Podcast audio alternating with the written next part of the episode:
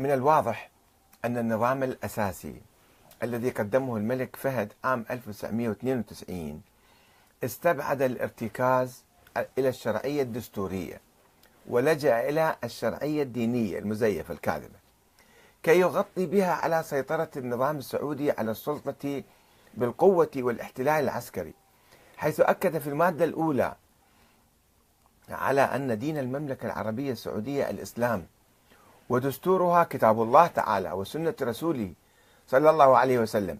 وقال في المادة سبعة بأن الحكم في المملكة العربية السعودية يستمد سلطته من كتاب الله وسنة رسوله وهما الحاكمان على هذا النظام وجميع أنظمة الدولة.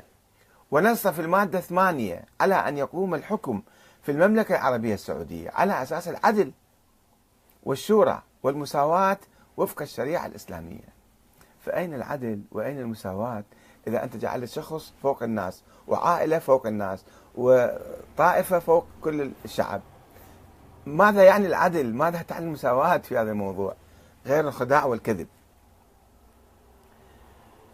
وأن يقوم الملك بسياسة الأمة سياسة شرعية طبقا لأحكام الإسلام ويشرف على تطبيق الشريعة الإسلامية كما جاء في المادة 55 وكذلك نص في المادة 23 على أن الدولة تحمي عقيدة الإسلام اللي هي عقيدة وهابية يعني. وتطبق شريعته وتأمر بالمعروف وتنهى عن المنكر وتقوم بواجب الدعوة إلى الله. وأكد في المادة 45 أن مصدر الإفتاء في المملكة العربية السعودية كتاب الله تعالى وسنة رسوله صلى الله عليه وسلم. وتحدث النظام الأساسي عن موضوع البيعة فنص في المادة خمسة على بيعة الأصلح من آل سعود للحكم على كتاب الله وسنة رسوله صلى الله عليه وسلم. وذكر في المادة ستة يبايع المواطنون الملك على كتاب الله تعالى وسنة رسوله وعلى السمع والطاعة في العسر واليسر والمنشط والمكره. طبعا مو برضاهم غصبا عليهم لازم يبايعون. وهذا خلاف الشريعة. أن تجبر واحد على شيء.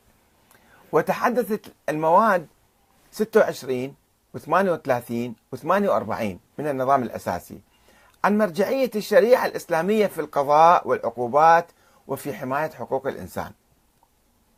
وقد نصت غالبية بنود النظام الأساسي على إعطاء صلاحيات واسعة للملك بحيث يصبح هو المحور الأول والأخير للحياة السياسية السعودية وصاحب الدور المطلق فيها. وبالرغم من أن النظام الأساسي فشل في تلبية حاجة المواطنين للديمقراطية والحرية والعدل ورفض الاعتراف بحق الشعب في السلطة أو كونه مصدرا لها كما تنص القوانين الأخرى والدستور الإيراني مثلا. واستبعد أي فكرة للتصويت على النظام الأساسي من قبل الشعب عبر الاستفتاء العام أو مناقشته عبر مجلس الشو... مجلس شورى منتخب. لا عبر الاستفتاء العام ولا حتى مجلس الشورى يناقش في هذا الدستور ويقره أو يرفضه أو أو يعدل بعض مواده وكما يقول أستاذ العلوم السياسية في جامعة الملك سعود الدكتور متروك الفالح فإن النظام الأساسي غير دستوري أصلا هذا لأنه لا يتضمن الآليات والهياكل والعناصر الدستورية. التي تضمن إقامة العدل من خلال وجود آليات المحاسبة والرقابة على السلطة التنفيذية اللي هي الحكومة. من قبل سلطة ذات مرجعية شعبية الشورى المنتخبة الملزمة. ما موجود هالشيء هذا.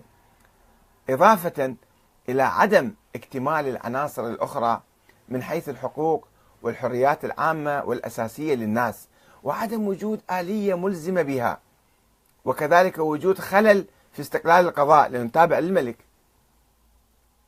وأن أي نظام للحكم لكي يصبح دستورا أو دستوريا لابد أن يحظى بموافقة شعبية عن طريق التصويت ليصبح الشعب وإرادته هي التي تقرر مصالحه ويصبح دور الحاكم تنفيذيا وليس أي مرجعية أخرى على أن تكون ممارسة الدولة الحكومة يعني تدل بوضوح على التزامها بالحقوق والحريات والرقابة والمحاسبة عليها من قبل السلطات الأخرى أو بالاحتساب عليها من قبل المجتمع. واحد مؤمن يقول لك هذا الحاكم الوزير عمل ظلما جائرا باطلا مثلا. آه، أو بالاحتساب عليها من قبل المجتمع عبر هياكل ومؤسسات المجتمع الأهلي المدني كالجمعيات والاتحادات والروابط إلى آخرها. ويخلص الفالح إلى القول بأننا في السعودية أمام نظام للحكم ليس دستوريا على الإطلاق إذ نحن أمام حكم ملكي ذو سلطة مطلقة والملكية ذات السلطات المطلقة غير دستورية.